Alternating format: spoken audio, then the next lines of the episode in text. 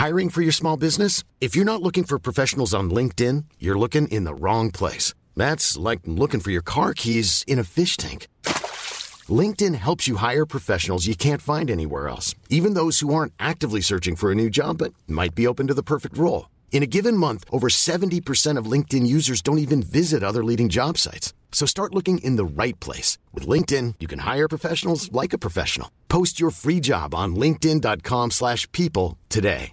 There's never been a faster or easier way to start your weight loss journey than with PlushCare. PlushCare accepts most insurance plans and gives you online access to board-certified physicians who can prescribe FDA-approved weight loss medications like Wigovi and Zepbound for those who qualify. Take charge of your health and speak with a board-certified physician about a weight loss plan that's right for you. Get started today at plushcare.com slash weight loss. That's plushcare.com slash weight loss. plushcare.com slash weight loss.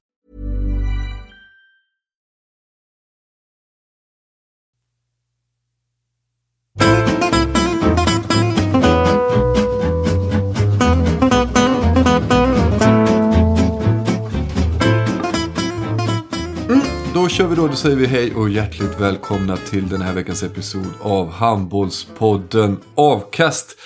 Purionatorn är in the house. Så är även Charlie Sjöstrand och jag som heter Emil Schelin. Varmt välkomna hörni. Oj, jävlar. Tack.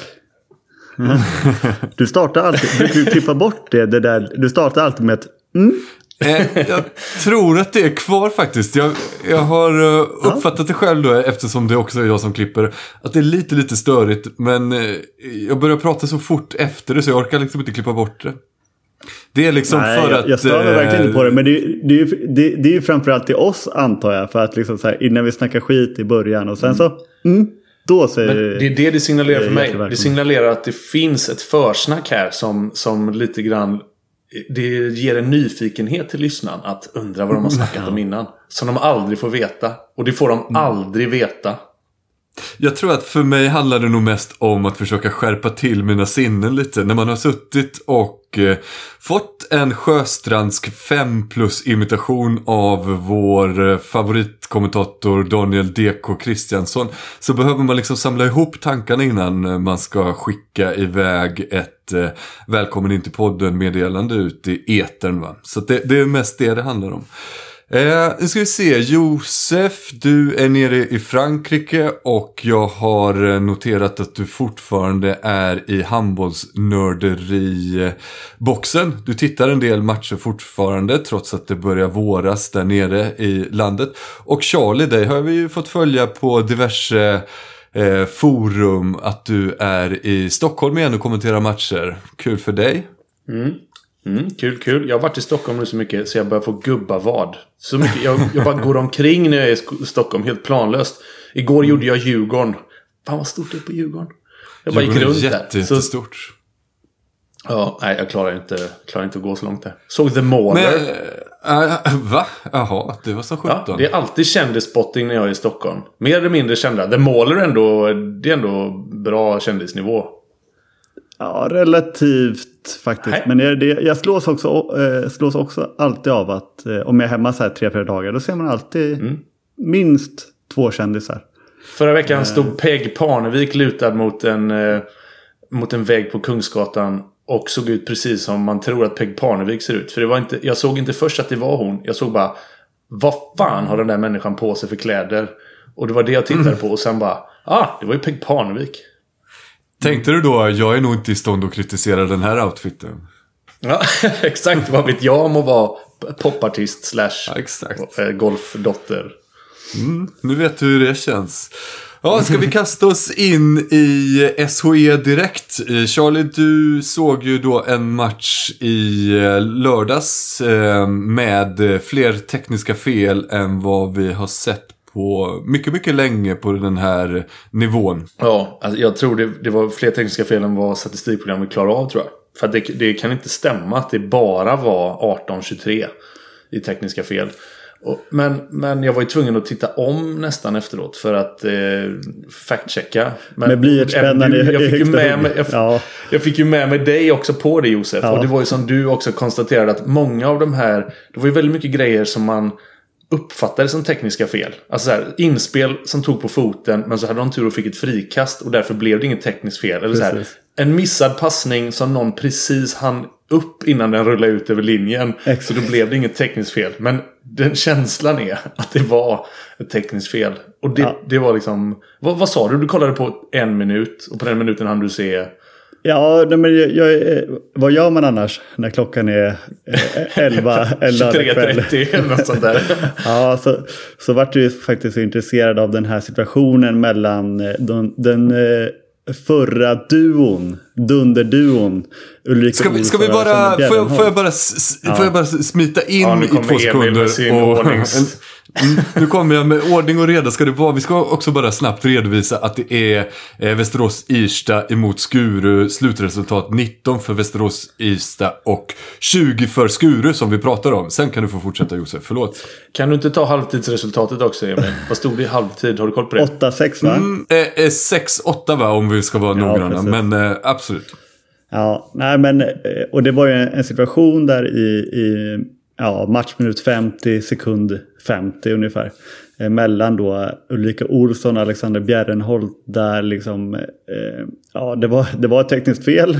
Och sen är kamp om bollen eh, som då Ulrika Olsson kom segrande ur med bollen.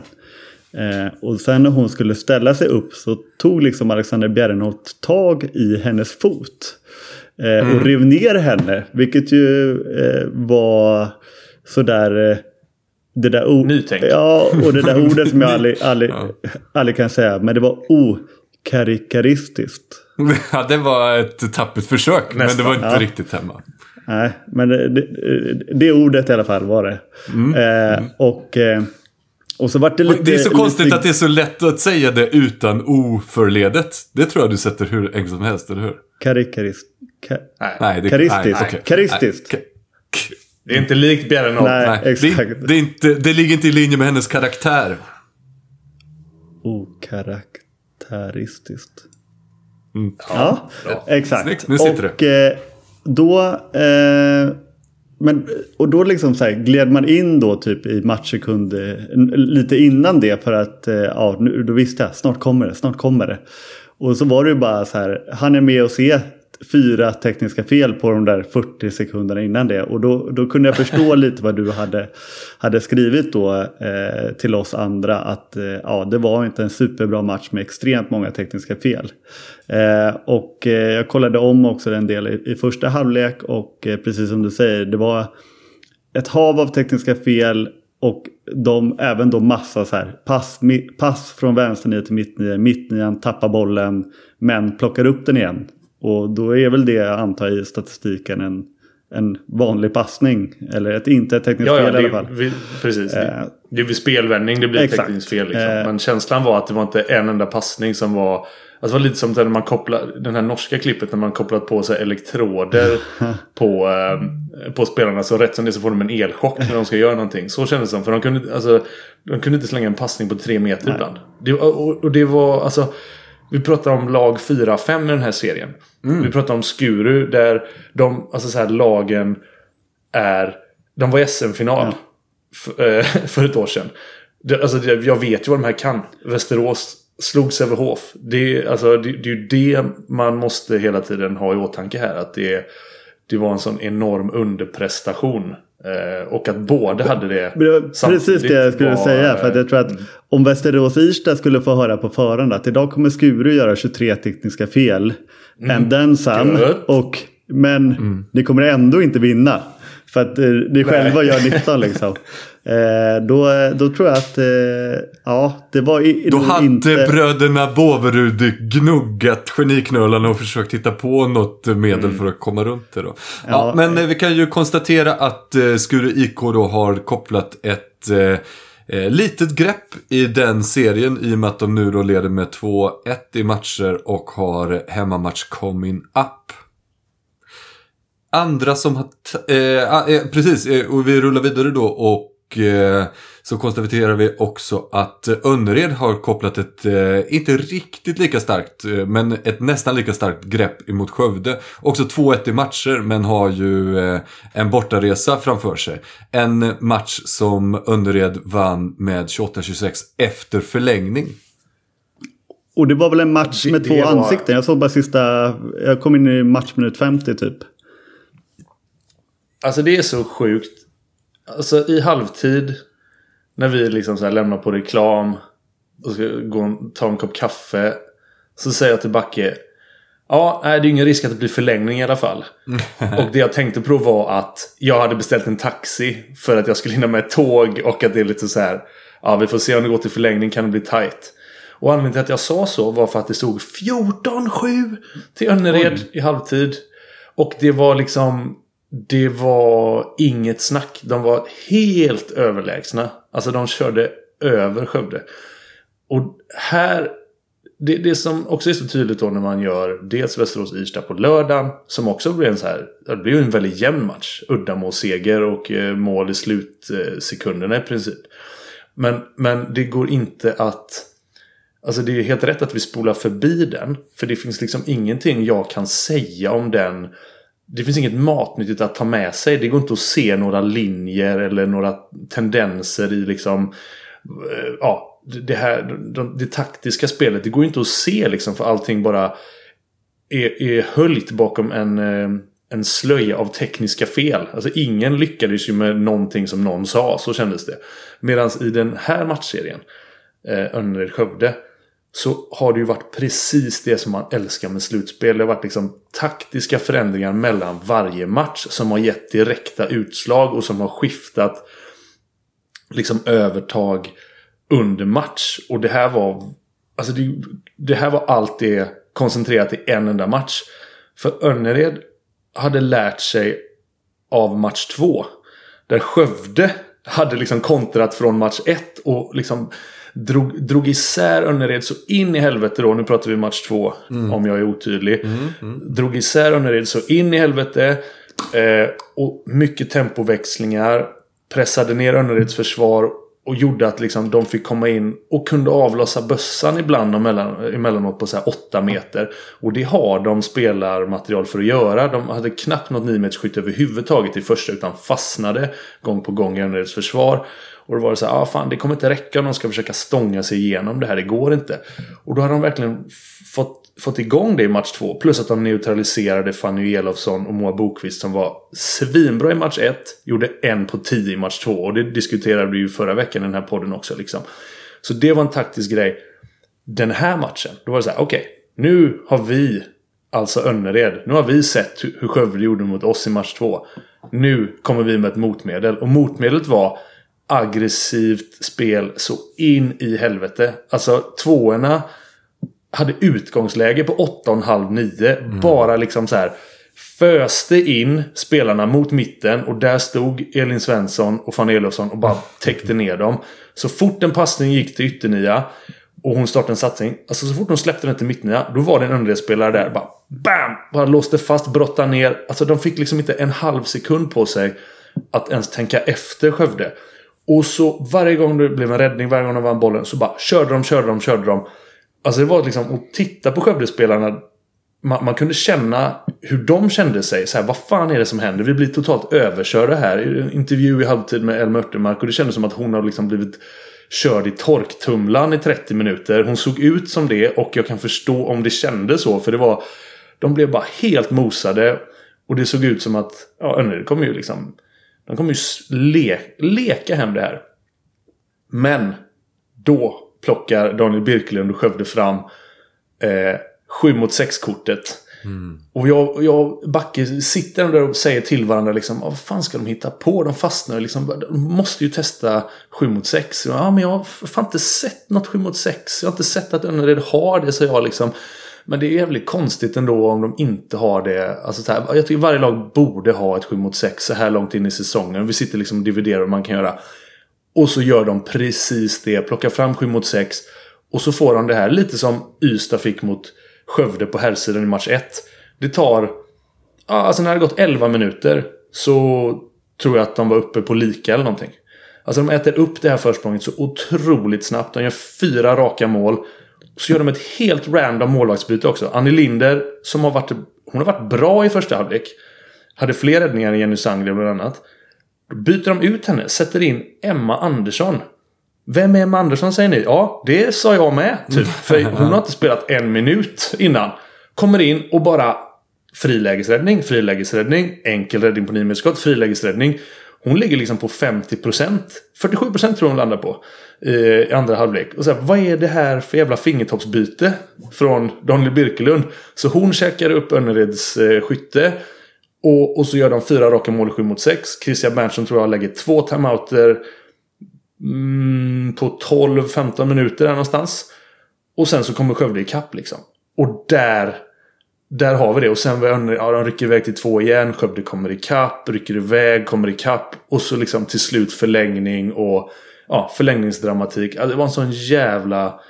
Alltså, kan inte alla matcher bara vara så? Ja, men, och precis den, den känslan. Jag kom in i typ matchminut 50 för att jag såg att det var jämnt. Eh, och då var det ju en sån här riktig slutspelsmatch. Där det var, förutom ja. 7-6, men två väldigt trötta lag. Där det blev till slut, som det ofta blir i sådana här matcher, eh, ja, en individuell brötarprestation i princip. Eh, framförallt då de sista tio minuterna. Eh, eh, framförallt Linnea Särborn i, i Önnered. Eh, och eh, den eh, Tri, eh, ja, alla de tre eh, Knatte, Fnatte och Chatte i princip i, i, i Skövde. Eh, och mm. eh, men det var ju verkligen sådär, bara de eh, 20 minuterna jag såg så blev man ju nästan helt svettig och, och liksom eh, just fick den där känslan av att, ah, eh, och den skillnaden det var då från lördagen att ah, det här är slutspelshandboll liksom.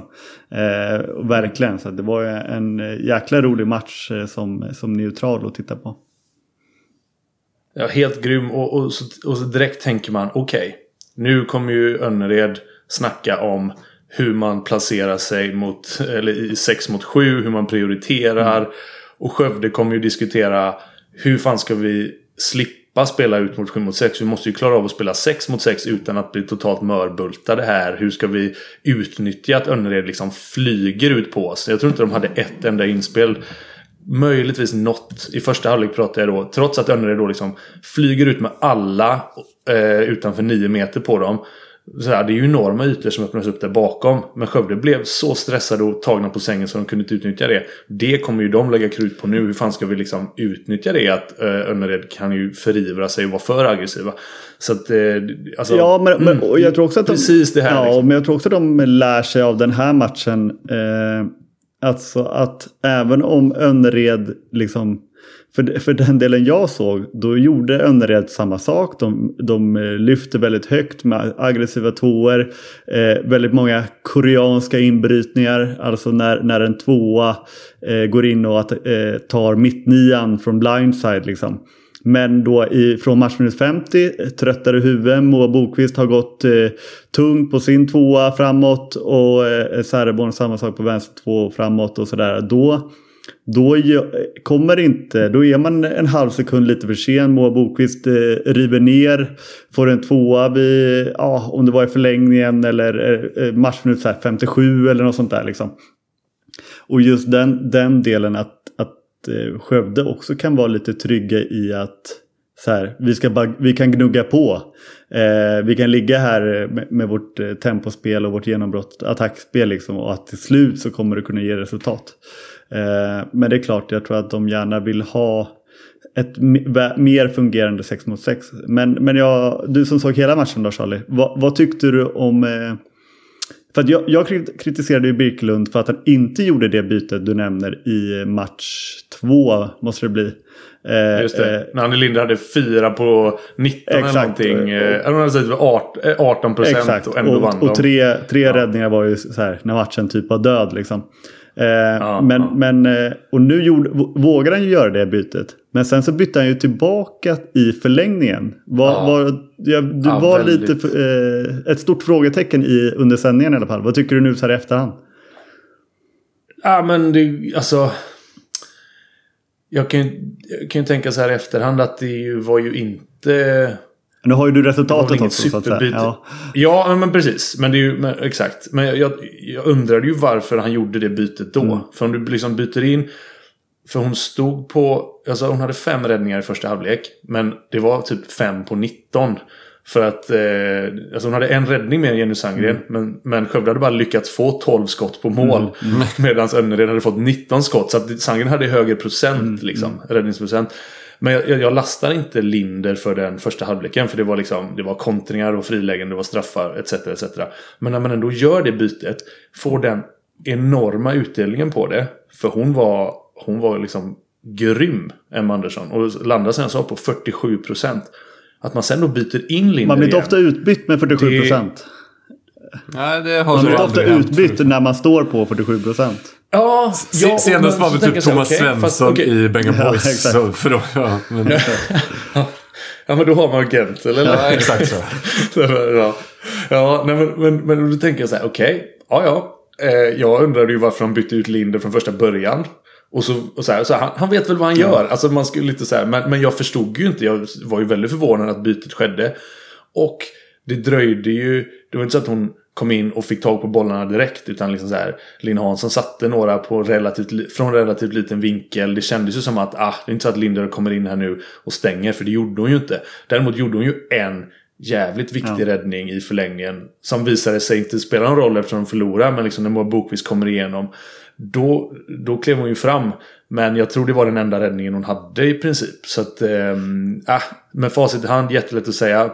Men även innan, så, så här, varför byter du ut en mål som har 47% och det blev heller inte så bra. Sen, om vi nu ändå är inne på det, vad som till slut fäller avgörandet. Mm, precis. Tre ganska...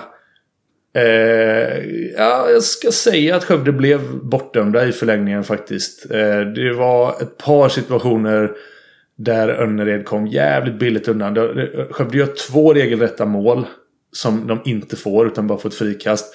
Det är dessutom en, eh, en situation där, eh, där Linn Hansson, jag tycker hon borde åkt ut. Men även om man tycker att det inte var en så farlig knuff så är det ändå så här, du har ju sett folk åka ut på precis det. Hon kommer liksom hem, i hemlöpet.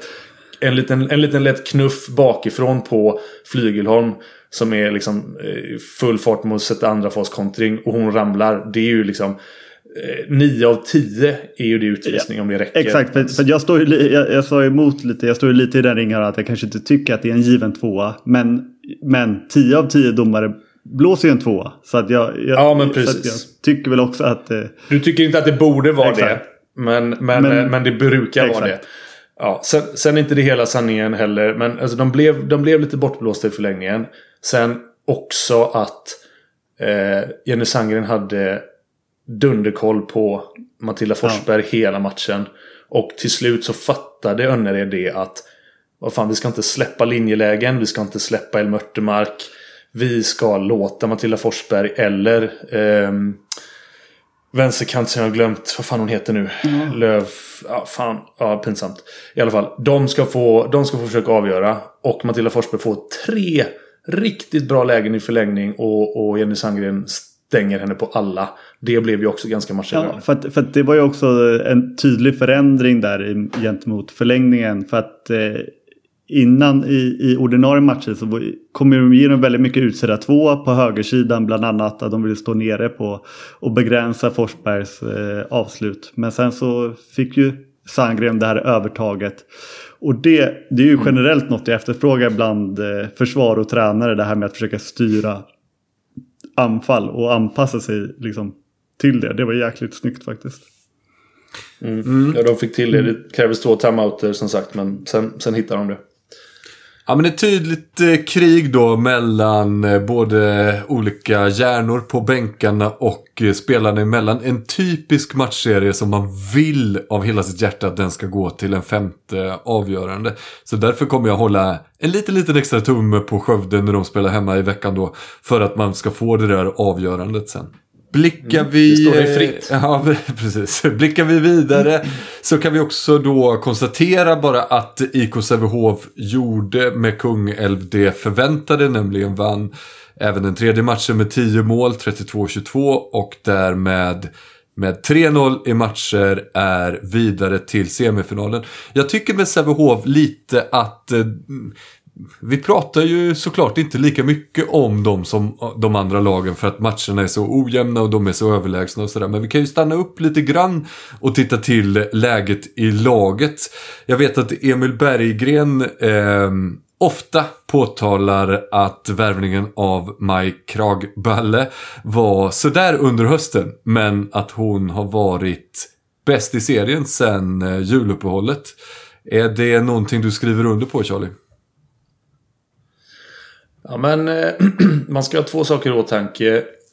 Det ena är ju att eh, Emil Berggren har ju... Eh, han har ju lite svårt att hålla sig objektiv när det kommer till Sävehof. Så att, eh, att hon skulle vara bäst i serien ska man ju ta med en nypa salt. Det andra man ska komma ihåg med Emil Berggren är att han har ett jävligt fint handbollsöga. Mm.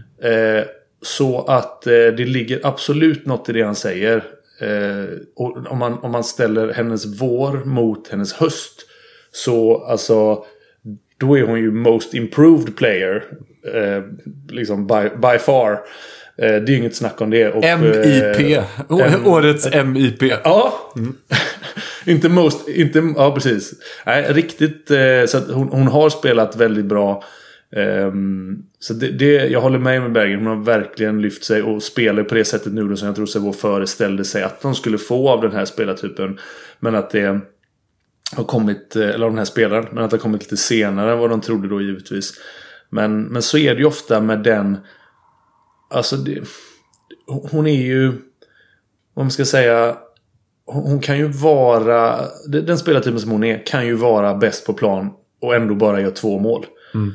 För att hon är inte den som ska... Eh, hon, hon är inte den som ska liksom stänka in sju mål och lägga tio passningar bakom ryggen. Utan hon är ju den som ska stå för, för järnverksamheten där på nio meter. Och det är lite svårare. Det kräver lite mer av betraktaren för att uppfatta nyanserna i hennes spel. Liksom. Men hon gör det jäkligt bra. Och det kommer visa sig mer nu under slutspelet. Ja, plus att Eh, man ska också komma ihåg att hon kommer ju så här, kommer från eh, franska ligan nu senast och var en stor profil i den danska ligan. Som ju bägge är liksom en, ja, dels en högre nivå men också lite så här sexigare nivå. Jag tror att det eh, kan vara lite svårt att som ny stjärna. Att använda det ordet när man pratar damhandboll? Nej, det var inte det du nej, nej, nej, nej, det har jag inga problem med. Utan att, men att Eh, man kommer och så spelar man i Sävehof och så vet man okej okay, nu har vi 22 matcher här ish som vi kommer vinna mer eller mindre alla. Eh, och jag tror att eh, hon nu i slutspelet är någonting som hon verkligen har sett fram emot. När de liksom, som det ju är för Sävehof, det börjar ju i semifinalen i princip. Eh, allt fram tills dess är ju transportsträcka. Eh, så att det, det, är lite mer eh, lättare att gå till match och träning nu Eh, tror jag. Mm. Någonting annat med Sävehof som vi ska ta med oss ifrån den här matchserien eller är det precis som Josef är inne på att det är egentligen nästa steg det sätter igång för dem? Ja, alltså jag tror Josef, eller jag tycker Josef är rätt på det och jag ska vara helt ärlig och säga att jag har inte brytt mig om att, alltså jag har inte gett den kvartsfinalen i princip någon uppmärksamhet alls. För den, eh, ja, jag har bara utgått från att det skulle bli precis ja, men som det tonen, satt, varit, tonen sattes ju i match 1. Där de vinner med ja. eh, cirka 20 bollar. Då visste man mm, att... Mm, okay, ja, till och med mer. 38-16. Mm. Ja, då var det tack och bock. Och då finns det inget att hämta heller från en sån Nej. match. Det det är lite samma som som eh, ja, Västerås Irsta Skuru som vi pratade om från igår då, att, eller från i lördags. Att, att det, är, det är svårt att se några tydliga linjer eller några taktiska direktiv. Så här, de vann med 16 mål. Okej, okay, de var överlägsna. Det är det man tar med sig. Jag skulle bara ge oss eh, möjligheten. För ibland så kan det ju vara sådär att man går förbi något eh, lag lite för länge och så glömmer man bort det. Men då tar vi ett medvetet val nu och säger att eh, Sävehof, ni kommer få er airtime när den behövs. För nu behöver vi rikta fokus exempelvis då neråt Hör och prata lite om Hör Skara. Där Hör kopplade greppet om den matchserien då genom att vinna med 31-25 på hemmaplan. Ja, nu var det ju så då att den gick ju parallellt med den matchen som jag kommenterade. Så den har jag eh, inte heller tagit mig an. Men jag konstaterar ju att det var helt jämnt i paus och att eh, sen Hör vann med sex mål. Så de måste ju också, eller jag kan ju anta och lite grann hoppas att det var en, en taktisk eh, drag, alltså en disposition från, från Ola Månsson som eh, förändrade matchbilden till Hörs favör. Men eh, det är, det är ren spekulation från min sida vad det gäller gårdagens match faktiskt. Men det som jag tar med mig är väl egentligen att ska bara nysa här tror jag.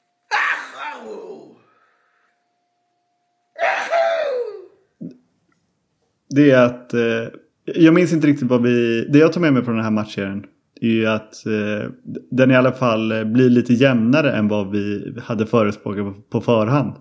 Och att eh, Skara liksom inte har lagt sig ner och dö som ju, som ju är ett erfaret slutspelslag och, och har en, eh, en massa rutin Eh, både på bänk och på, på planen. Eh, så att eh, vi har ju varit på, nu är ju alla kvartsfinaler i herrligan slut, men det är ju i alla fall kul att kvartsfinalserierna i SOE lever upp till eh, att det är jämnt och att det liksom böljar fram och tillbaka i matchserierna.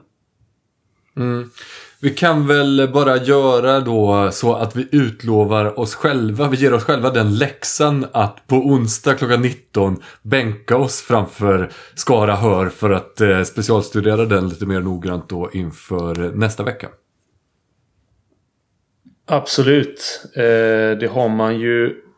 Eh, ska vi se, ja då får man precis... Då, då väljer man bort Skövde Önnered den dagen. Ja just det, man, man kanske får se den, i repris fram till söndag. För att det är ju fortfarande så att det är ju ingen... Man lägger ju gärna... Man ser ändå till att lägga sina matcher samtidigt som någon annan spelar hela tiden. Mm. För det är ju så vi gillar att göra ja, det, det här jävla landet. Ja, det, det, är faktiskt märkligt hur det är planerat. Men jag orkar faktiskt inte en gång till gå igenom eh, spelschemat. Vem fan orkar det? Nej, det bara gör en sån snabb eh, notering i anteckningsboken om att det är, det är uselt i år igen.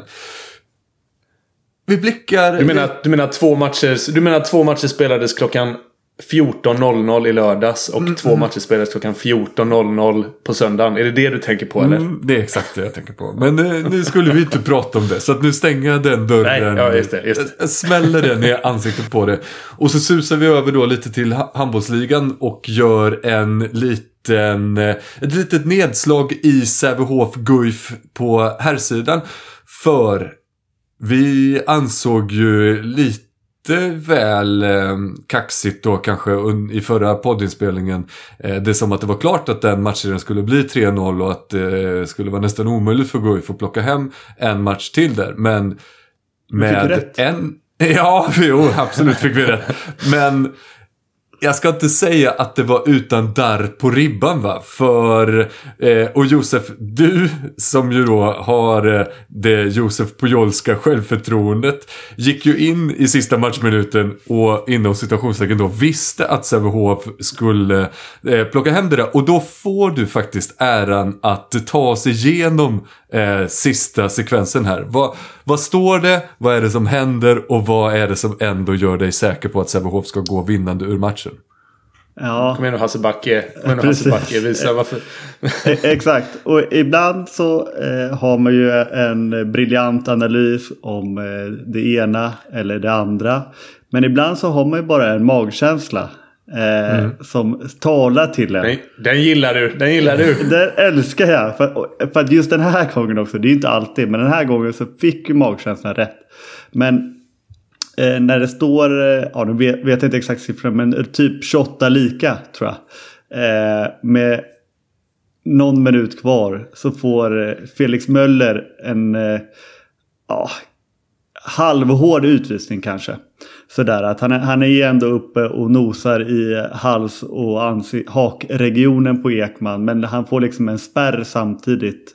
Eller lite innan då. Så han är ju väldigt obalans just på grund av den här spärren.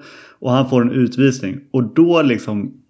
Det den här magkänslan kanske grundar sig på. Det är väl den liksom segermaskinen som eh, IK Sävehof är. Eller deras förmåga som ju, vi har pratat lite om under hela säsongen. Att när man tänker att de kan ju ligga under med fem, fem bollar eh, när det är fem kvar. Och så, så eh, på något jävla vänster så kniper de en pinne eller en seger. Där, exempelvis mot derby mot RIK hemma. Och, och de, har, de har flera sådana exempel. Eh, och då kände jag bara att så här, ja, men det, det här tar nog Sävehof ändå till slut. Och eh, med, med facit i hand då så kunde jag ju hämta hem den. Även om jag hade, det var ju inte uttalat. Jag hämtade hem den, påstod det här, allt efter, efter att jag hade fått rätt så att säga. Eh, så att i, i slutminuterna då, när, när Gulf gör sin bästa match, leder med ett eller två. Och, eh, no, eh, lika, lika. Ja, lika. Och mm. eh, Sävehof åker på en utvisning. Då känner du där. Som Thomas Ravelli sa i Jag är... Där kände jag. Jag tror att Guif leder när utvisningen kommer. Nej, för att de gör noll mål. Först får ju Melke Norman läget i mitten. Som han får hämta hem liksom lite vid, innanför straffområdet. Och så bommar han. Sen så gör eh, Mittenmål. Nej, det är sista. Och vad står det, vad, vad, vad står det då? Då står det lika. Då, då står det lika. lika. Exakt, exakt. Men Möller har två räddningar. Exakt. Ja, och då, då behöver är 2-0 ju... till och med så. Oh, yes. Ännu alltså, de, mer otroligt. De, exakt. Ja. Det, det, det, var ju det som var... För hade det stått lika, oh. då kan jag ändå ge dig... Då kan jag ändå ge dig att säga, ja men det kan nog Sävehof lösa. Men att ha anfall emot sig, gå ner en gubbe, eh, spela 5-6 och ligga förstå. under med ett med ja, en minut kvar. hur bra Maggen vad är. Det, vad är det för, är, vad är det för jävla mage? Du, det, finns ju, det finns ju en av oss tre här som är författare och släppt en uh, självbiografi om Jubomir Vranjes. I den boken så eh, minns jag särskilt ett citat om eh, från Champions League-finalen 2013 eller 14 är det de vinner va? När Jumbo Vranjes i den avgörande straffläggningen i finalen då, Flens mot Barcelona. Karabatic går fram och Jumbo Vranjes säger då i boken jag visste att Karabatic skulle missa sin straff. Så mycket, så mycket tror jag på dig Josef. Som jag tror på Jubomir Vranjes när han säger det. Det finns ingen, det finns ingen som tror att Karabatic kan missa en straff. nej, nej och, och enda då emot då är ju att att Sävehof har ju den här historien av sig. Eller den här auran ja. av att de löser grejer. Och, de har shining. Ja, de har shining, ja precis. Nej, men det var ju eh, framförallt det man tar med sig från den här matchen i, i stort är ju, eh, jag tycker att det är jävla imponerande moral av eh, Guif såklart. Mm. Eh, att liksom när allting talar emot eh, och de har ju inte knappt varit nära i de andra matcherna. Ändå kan liksom eh, samla den energin och allting som krävs eh, för att ge dem en match. Eh, men i slutändan så är Sävehof Sävehof. Eh, och det var det Maggen gick på och, och de löser den här segern och 3-0 i matcher. Och jag menar även om större mirakel har väl skett men även om Guif hade vunnit så hade väl det Sävehof löste vid ett senare tillfälle. Eh, ja, är ju känslan i alla fall. Så det är väl eh, värdigt att Sävehof vann men såklart bittert för Guif att inte få betalt för den prestationen som de ändå gör. Jag tar också med mig eh, Pavel Karasic eh, segerintervju. Eller det är ju inte segerintervju. Pavel Karasic intervju efter matchen. Och har ni inte sett den så, eh, så surfa in på Simor och se den. För att det, det kändes fint att få en sista intervju med Pavel Karasic. Det som kan vara en sista intervju. Och han var, han var sig själv. Mm. Mm. Var, var, varför blir det sista med honom? Ska han inte... Ja, jag tror att han har förlängt. Nej, jag vet inte. Men han, han var bara så här kryptisk. Nej, men Aha. har han det? Jag tror det. Har han förlängt? Okej. Okay, varför han bara sa han något annat? Jag stängde av. Ja, men, jo, men det, han sa så här... Han sa liksom så här, om det här är min sista match så är jag så oerhört stolt över vad vi gör idag. Mm. Och man bara så här, what? Ska du, va? Och för jag, som du bara, vad ska du inte spela mer? Ja, Aha. ni får se själva. Ja, vi får se. Man får göra sin egen tolkning. Ja, han är ju för härlig den gode Pavle om vi var lite kaxiga och sa att Sävehof nog kommer lösa det här med 3-0 i matchen så sa vi ju att de som kanske kommer kunna göra lite mer spänning av en kvartsfinalserie på handbollsligans sida så är det Skövde som eh, nog kan eh, ställa till det lite för Ystad IF. De var ju väldigt nära på att faktiskt lyckas med det då. Eh, litet underläge i halvtid tog det till 31-31 eh, och därmed förlängning. Men i förlängningen så drog Ystads IF det, det längsta strået. Är, är det inte sjukt att eh, det ändå blir... Alltså den här, just den tredje matchen. När det, när det, känns, det känns så jävla avgjort. Ja, Aranäs var väl inte nära den tredje matchen. Men så Allingsås hade ju det mot Hammarby. Mm. Skövde hade ju det mot Ystad nu igen. Och eh, och eh, som vi redan gått igenom, Guif från ingenstans har det mot Sävehof i Partille. Men eh, förlängningar i Ystad Arena är ju inte Skövdes grej va? Nej. Nej, och det var ju också lite så här dråpligt på så sätt att Anton Månsson eh, liksom lobbar in eh, segermålet eh, på 69, 60, eh, 69 59 blir det. Eh, och, eh, Uff, och avgör. Snyggt. Ja, eh, och avgör eh, matchen. Eh, men eh, man får väl egentligen bara säga samma sak om Skövde som man säger om, om, eh, om Guif. Att det är ändå imponerande att man fortfarande tror på det. Jag kan ibland bli, bli och jag är ju självklart en del av det. Eh, eftersom jag också är spelare. Men att eh, förundras över liksom så här hur lättlurade idrottsmän är. Vi pratade lite kring, eh, om det förra veckan. Eh, angående att man kan vrida och vända på ett, eh, ett resultat från en träningsmatch gällande då damernas eh, träningsmatch mot, mot eh, eh Danmark och sådär. Eh, och, och lite så eh, Alltså på något, de måste ju ha lurat sig själva eh, så mycket att de eh, själva trodde att det var möjligt. Liksom någon typ av Great Escape eller Hail Mary att kunna vända det här för att eh, få fram de här typerna av prestationerna. Och det är ju så typiskt oss handbollsspelare får jag då säga. Och eh, är väl någon typ av eloge till eh, Henrik Signell kanske, vad vet jag. Det är väl omvänt också du måste att de som leder... I... Kör. Ja men du ja, måste ju ha suttit... Okej, kör du, kör du programledaren. Åh, oh, fy fan. Jo, men Josef, du måste ju ha suttit i sådana omklädningsrum eh, hundra gånger med Hammarby när ni har fått eh, eh, torsk med 15 i första mötet och sen så ska ni ta emot någon på hemmaplan och blivit ilurad att det faktiskt ska kunna gå att göra någonting helt eh, annorlunda av den matchbilden då. Ja, exakt. Och, och eh, ångrar mig nu att jag inte analyserade det mer då. Vad det jo, men, men skillnaden med det är att då, jo, men då kan du ju alltid haka upp det på att ja, men nu kommer de till våran hemmaborg. Ja, som man ja. alltid kör. Att det liksom, här kommer de fan inte iväg med några enkla poäng. Men, men det, här är det ju precis så. De har, de fått stryk borta en gång redan. Och i sin så kallade hemmaborg då.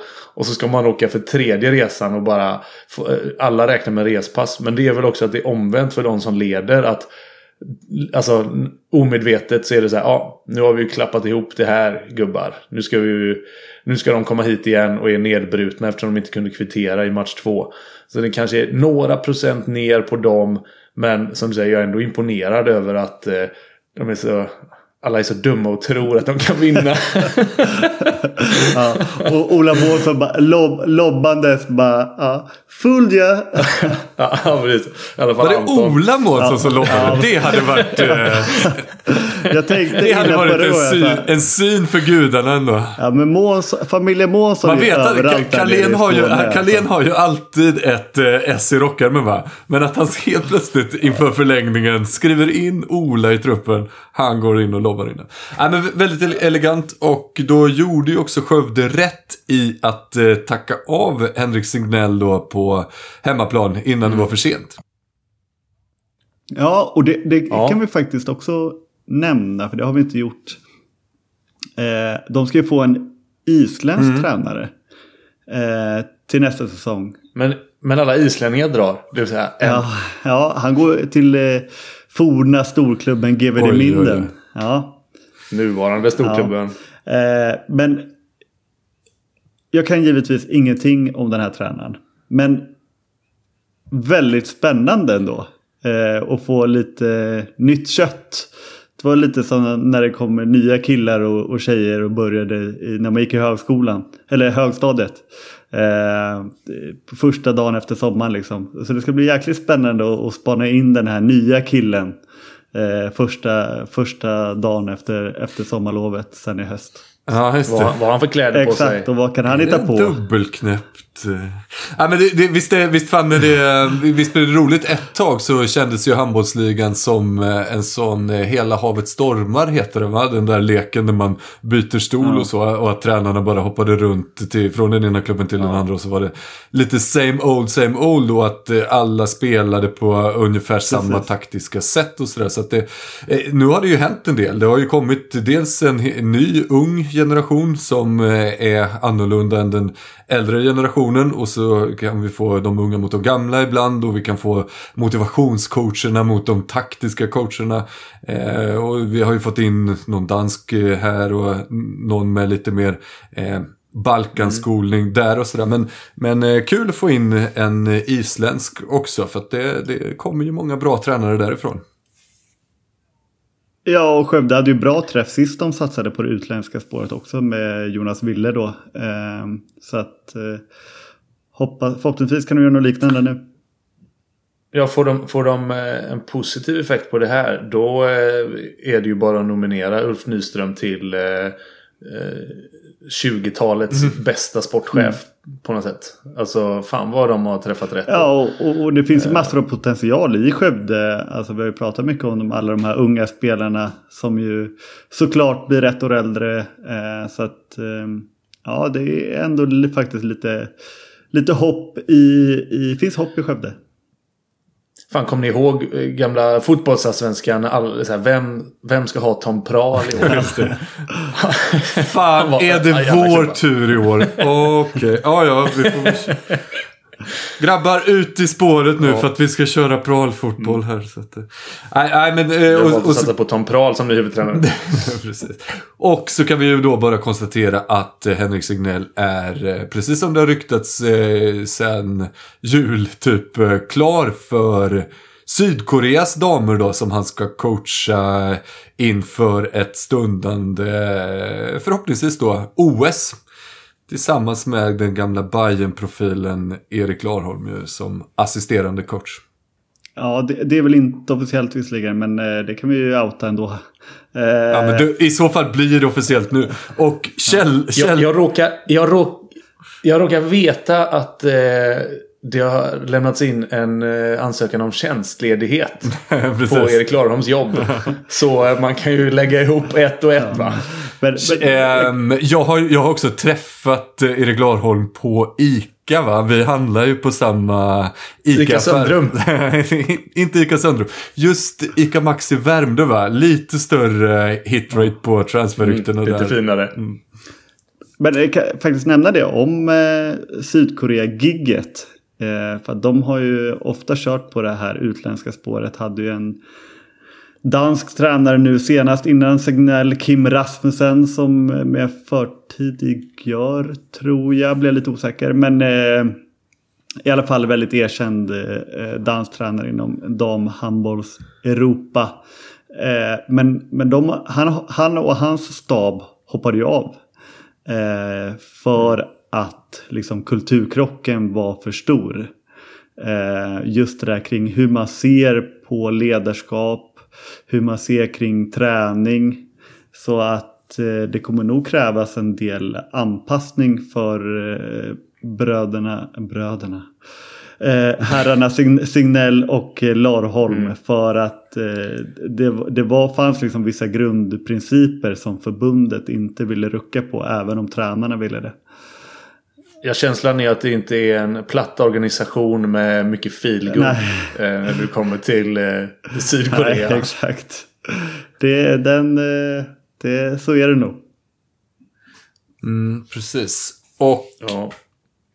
Nu tittar jag lite här i spelschemat samtidigt som jag pratar för jag vet att åtminstone IFK Kristianstad-Hammarby eh, den matchserien drar igång eh, först sjunde och det jag gör är att jag tittar lite snabbt. Sjunde? Ja, sjunde maj. Fy, Nej, det är, långt. för jag- första, det är andra matchen va?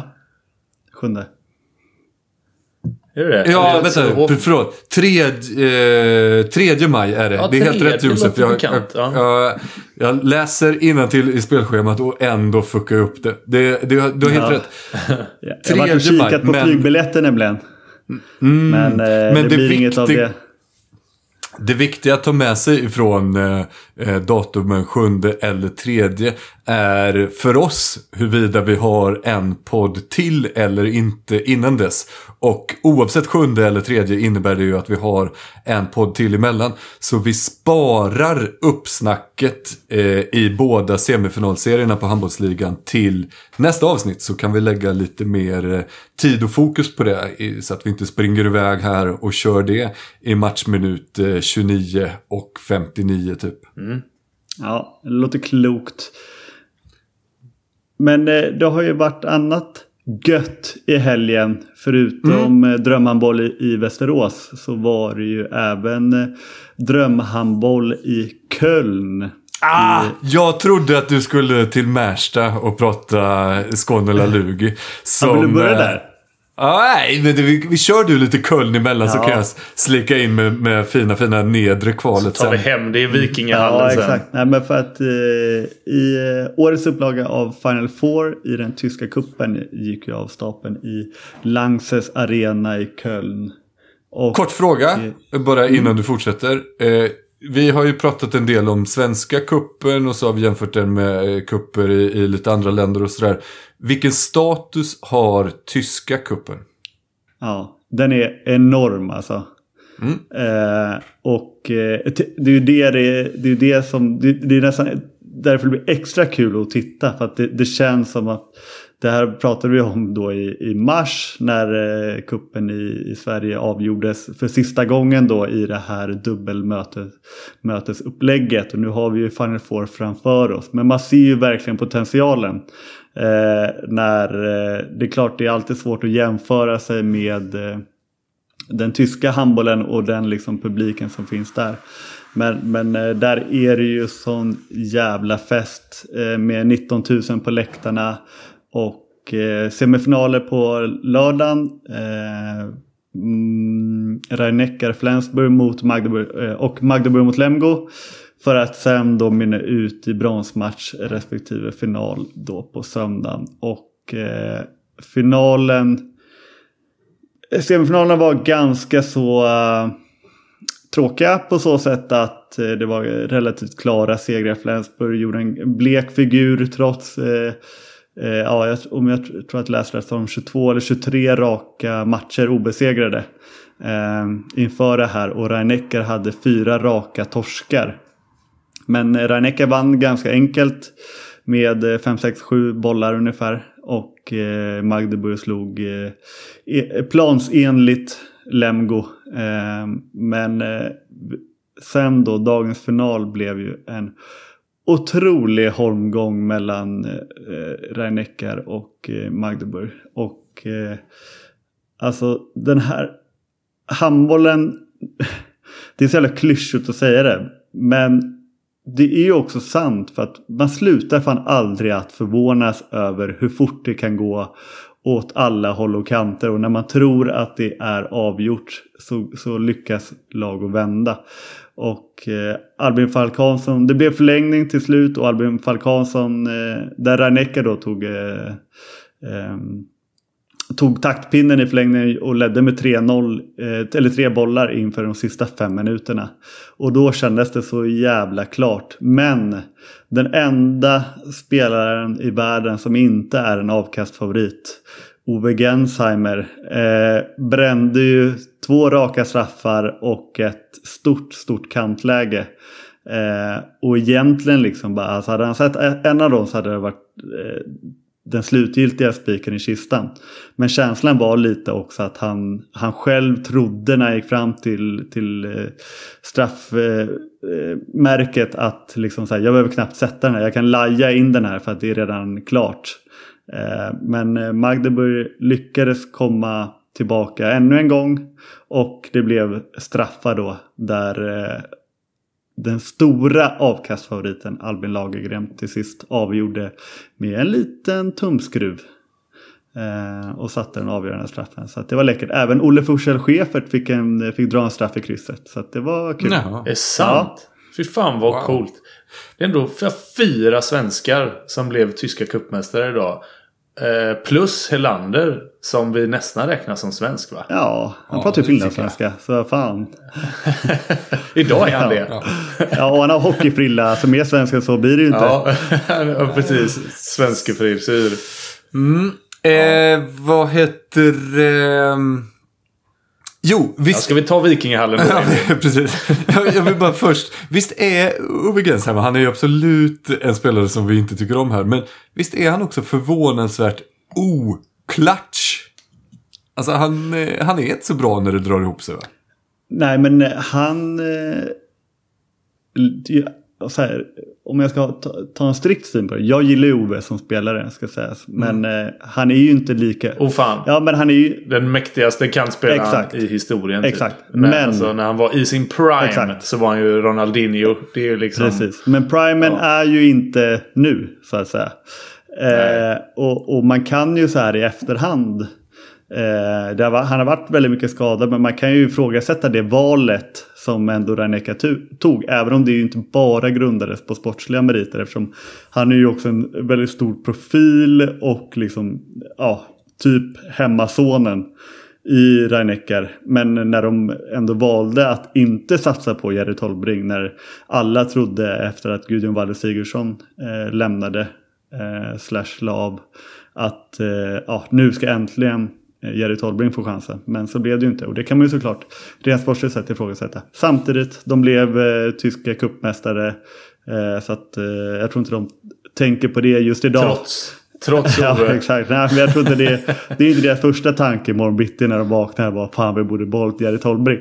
Men, fan vad Jerry, Jerry skulle varit exakt, här. Exakt. Men, men nej. Alltså han är ju inte så bra som han en gång har varit. Så är det ju. Nej. Nej, det, det, det, vi kanske kan stanna där. Nu ska vi till Märsta. Mm. Vad härligt det är med Vikingahallen. Nej, men vi, vi, kan väl bara säga, jag har inte sett matchen och det utgår jag från att ingen av er heller har gjort. Men att eh, Skånla har tagit Lugi till eh, ett eh, kniven mot strupen-läge.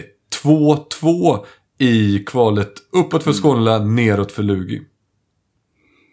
Har du, har du sett matchen Josef? Eller varför ja, jag har sett... Ja, du har det? Eh, jag har sett eh, sista 20 tror jag. Ja, vad läckert. Eh, oj, oj, oj. Sån är jag. Va? Det är så himla bra för den här podden att du inte har någonting vettigt att göra. Ja, men det sjuka är, min, min, eh, under hela, nästan hela det här året har inte min fru eh, varit här då. Men nu är hon här. Men hon, jag kollar ändå Skåne där Lugi. Och så idag Angelica, då, Angelica, kom och sätt dig här bredvid och kolla. ja, det, det, är Skåne från Märsta du vet som du tycker om. Och idag när jag satt och sappade mellan olika matcher då satt hon, frågade hon men hur jävla många matcher har du att kolla på egentligen? Men eh, ja, det finns eh, ett utbud och eh, uppenbarligen så finns det tittare och här är jag. Eh, mm. Och det finns men, en efterfrågan för oss andra att få höra om det ju. Ja, exakt. Nej, men det, det, är så här, det är svårt att ge ett eh, helhetsgrepp när man bara har sett eh, 20 minuter. Men, men eh, det, det, jag kan säga var och... Ehm, det har aldrig hindrat dig för. Precis. Precis. Nej, men, eh, Vad säger Maggen, Josef? Eh, Maggen säger ja. att eh, med hjälp av en storartad insats i, i målet av en av bröderna Nilsson eh, så Fan! Marcus. Jag trodde du skulle säga att Herdeiro Lukau gjorde comeback. Nej, nej Marcus Nilsson eh, gjorde en eh, fin, fin insats. Eh, och Eh, Skåne spelar på ett jävla modigt sätt eh, och med mycket självförtroende i hemma i Vikingahallen. Och liksom eh, är imponerad över det respektlösa sättet och liksom att de verkligen de tror på sina idéer. Eh, och eh, har absolut eh, ingen respekt för vilka som står på, på andra sidan. Även om det är ju liksom den stora i sammanhanget eh, klubben Lugi mot lilla kvartersklubben i sammanhanget Skånela. Eh, men sätter upp eh, sitt tempo, spelar ett väldigt fint 7-6, det, det lilla jag såg. Och en, en bra insats i, i mål och det brukar ju räcka för att slå Lugi. Men jag, jag var faktiskt lite förvånad för att jag såg också delar i match 3 i Lund och där, där tyckte jag ändå att man såg Eh, Eh, en klasskillnad. Så att eh, vi får väl se lite vad som händer nu i, i match 5. För att eh, det är ju inte bara Eh, även om Luge har ju stått i den här kniven mot strupen situationen tidigare i matchen mot RIK och hittade ju en väldigt fin prestation eh, där. Men, men det är ju det här är ju ångest deluxe liksom. Eh, så att det är ju mer än bara handboll. De borde ju, de borde ju boka den gamla idrottshallen direkt. Ja, de var i arenan sist. Eh, men eh, ja, jag, jag, jag är benägen att hålla med. Alltså, för att, eh, även om i och för sig, ju skitigare hall desto mer trivs Skånela kanske. Desto bättre för Skånela. Ja, Just det. Helt plötsligt Hur ska vi väga det här mot varandra? Ja, helt plötsligt kommer de Skånela in i en arena och blir helt liksom perplexa och bara vad fan, shit, ja. här är ju en dusch och fan, det, det rinner inte ut brunt vatten i de här grejerna. Liksom. Vad är den här? Är det någon temperatur? Temperaturreglage. Det är inga träbänkar i den här hallen. Nej, så att, eh, men eh, det är såklart en, en jäkligt spännande match. Ska väl också i eh, tillägga att OV, jag vet inte om det är förvånansvärt att de slog Karlskrona. Jag vet inte riktigt hur favoritpendeln ligger där nu. Eh, bland annat efter Albert Månssons skada. Men, men på siffrorna i alla fall ganska komfortabelt. 5-6 bollar eh, hemma mot Karlskrona. Eh, men den, det var bara match tre va? Precis så, så det står ju 2-1 i matcher till Helsingborg nu. De ska ner till Karlskrona på tisdag. Och eh, blir det en eh, femte avgörande där så eh, är det fredag nere i Helsingborg. Och eh, favoritpendeln svänger väl fram och tillbaka. Men den känns som att den är väldigt nära eh, 50-50. Ibland så slår det över åt 60-40 åt ena eller andra hållet. Men ja, blir det en eh, sista avgörande så tror jag man gör väldigt eh, rätt i att försöka tuna in den också. Ja, men vi hade ju väl en liten diskussion när så här, vilka vi helst ville skulle åka ut mellan RIK och Lugi. Eller i alla fall vad vi trodde liksom. Eh, men jag tror inte ja. helst ville. Det, det känns inte Nej, som något ville, jag... Men, men, ja, vad, vad skulle ni, hur känner ni här då? Vilka, vad hoppas ni på? Och vad liksom... Ja. Vad, vad, vad, ska man, eh, vad ska man bedöma där liksom? Nej, men jag har ju alltid en... Publikunderlag, ja, exakt, man får ju lägga in lite vad. av handbollen. Exakt, man får lägga in lite vad man vill. Jag, brukar, jag har ju inte alltid, men jag så brukar där, ta där, lite det, geografisk det, take. Ja. Det där gör mig alltid svinprovocerad ska jag säga. Folk som vill att det ska spridas geografiskt och vill att olika föreningar ska upp eller inte på sin höjd tycker jag, om man håller på en förening, då ska man ju såklart se till så att den, då vill man ju att den ska gå upp.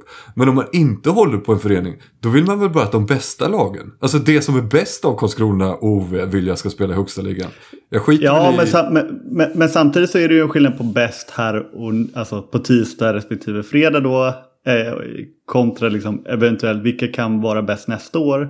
Vilka har potential att bli bäst om tre år och det, finns, det kan man också väga in då. Nej, men då tycker jag att då, får vi väl, då, då, får vi väl se det då om tre år och så, då hoppas vi på att det laget som är bäst då spelar i handbollsligan. Jo, men, men, men, men ja. det kan, ja, men jag, jag på det med det, men det kan ju bli en intressant diskussion för att det kan ju, alltså vägen kan ju skilja, det, är en jävla skillnad på hur bra man blir på tre år om man utgår från handbollsligan respektive allsvenskan. Ja. Jo, absolut. Men det, det, är väl det är ju två föreningar som är ganska så storsatsande på det viset. Och båda föreningarna vill ju väldigt tydligt upp i handbollsligan. Många tycker väl att det kul med Karlskrona och deras satsning med allt vad det innebär. Med, alltså att de har Tobias Karlsson i föreningen och att de har Ola Lindgren som bollplank och de har liksom en, ett publikunderlag och de har sin nya hall och de har sin nya grafiska profil och det är föreningar som har gått ihop och liksom satsat och så här. Eh, ja, det är, väl, eh, det är väl häftigt om man gillar sånt. Ja, du sålde in det. Ja, Karlskrona säger jag då. Jävlar vad Emil pitchar här nu. Vilka bra grejer. Vad, vad talar för Helsingborg då? vad tycker du är bra med dem? Jättefin, ja, jättefin ungdomsförening är väl det första man ska säga om det. Har ju sin beachhandbollsturnering som drar in en massa stålar till föreningen också. Ja, det är ett minus. Espen Christensen. Mm. Vill vi ha han, han vill vi ha ja, i handbollsligan. Det är ett plus. Ja. Det, det, är ett plus. Det är ett plus. Det, vi gillar ju att de fortfarande har kvar ovet. Så att man eh, fortfarande har kvar liksom blinkningen tillbaka till Olympic Viking ju. Och sådär. Eh, och mm. Också där det är så konstig ny, alldeles för stor hall ju. Men det, det gillar väl vissa då. Att man har den typen av möjlighet att exponera, eller vad ni kallar det. Ja, vi som gillar grafiska profiler, det sa du inte med en seriös ton i alla fall. Det låter ju som att du i alla fall har svar på din egen fråga. Nej, ja, du, egentligen... om, om, du får välja mellan Lugi och Skånela och du får välja mellan Helsingborg och Karlskrona så vet du vilka du vill ska gå upp. Ja, men det tror jag nog. Men eh, jag tror ändå att eh, om jag får välja så skulle jag ändå behålla Lugi. Eh, just för att det är en, dels för att det är en traditionsklubb. Eh, alltså som vi Också den fina... Ja, ja, ja, det vet Exakt. vi. Och Skånela, och Skånela känns inte som att de... Jag ska inte säga att de inte vill, för det verkar de vilja. Ja. Men det är som att de inte har någon plan för hur de ska bete sig om de går upp. För de får inte spela den hallen och det finns ingen plan för en ny hall. Och, eh, ja, men lite, lite så faktiskt. Alltså jag ser större potential. Lugi är ju en, en stor klubb och har ju potentialen att eh, återbli det så att säga även på planen utöver liksom, traditionen. Eh, Skånela kan såklart eh, komma upp och göra, eh, skulle säkert kunna hålla sig kvar och eh, alltså fantastiskt fin ungdomsförening och allt vad det är. Men det känns inte som att potentialen för att bli ett handbolls, en handbollsligaförening riktigt finns där just nu. Även om jag inte har någon aning om vad som sker i bakgrunden. Eh, det har ju Karlskrona men det har ju även Helsingborg. Men, men Karlskrona, jag tycker väl om, det hade väl varit lite kul med den publiken och, och, och det intresset runt det liksom. Och, eh, kan jag också tycka. Eh, sådär. Och så jag, det låter som att du har fått en fråga från en eh, journalist som du inte riktigt vill svara på. Och så var det din egen fråga.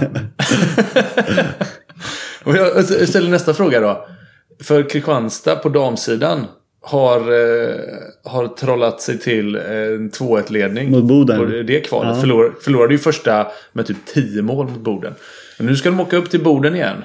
Mm. Där har du ju geografisk spridning i ena vågskålen. Ja. Och i andra vågskålen alla andra lag i Sverige som är så här nej, ja, nej, alla, nej, nej. Alla, måste vi flyga till Boden? Alla ekonomiska budgetar till nästa år. Lite väl mycket geografisk spridning kanske. Ja, exakt. exakt. Och alla i allsvenskan bara Boden, Boden.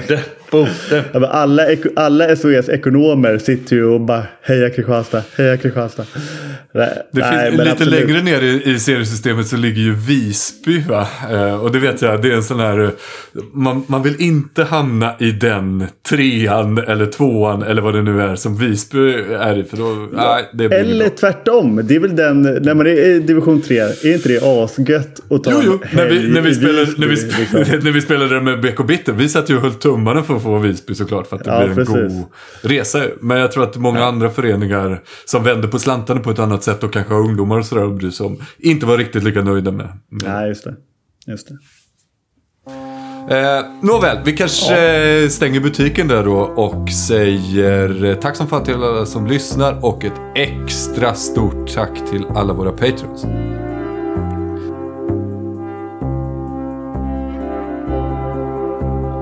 Rötterna blir starka när det blåser.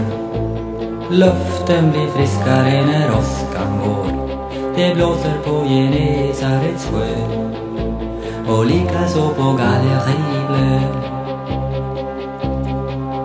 Dina kyssar smakar smultron och mjölk. Drömmen ska brinna om ett annat liv. Låt ditt hjärta slå ett extra slag. Låt oss hoppas att det snart blir dag.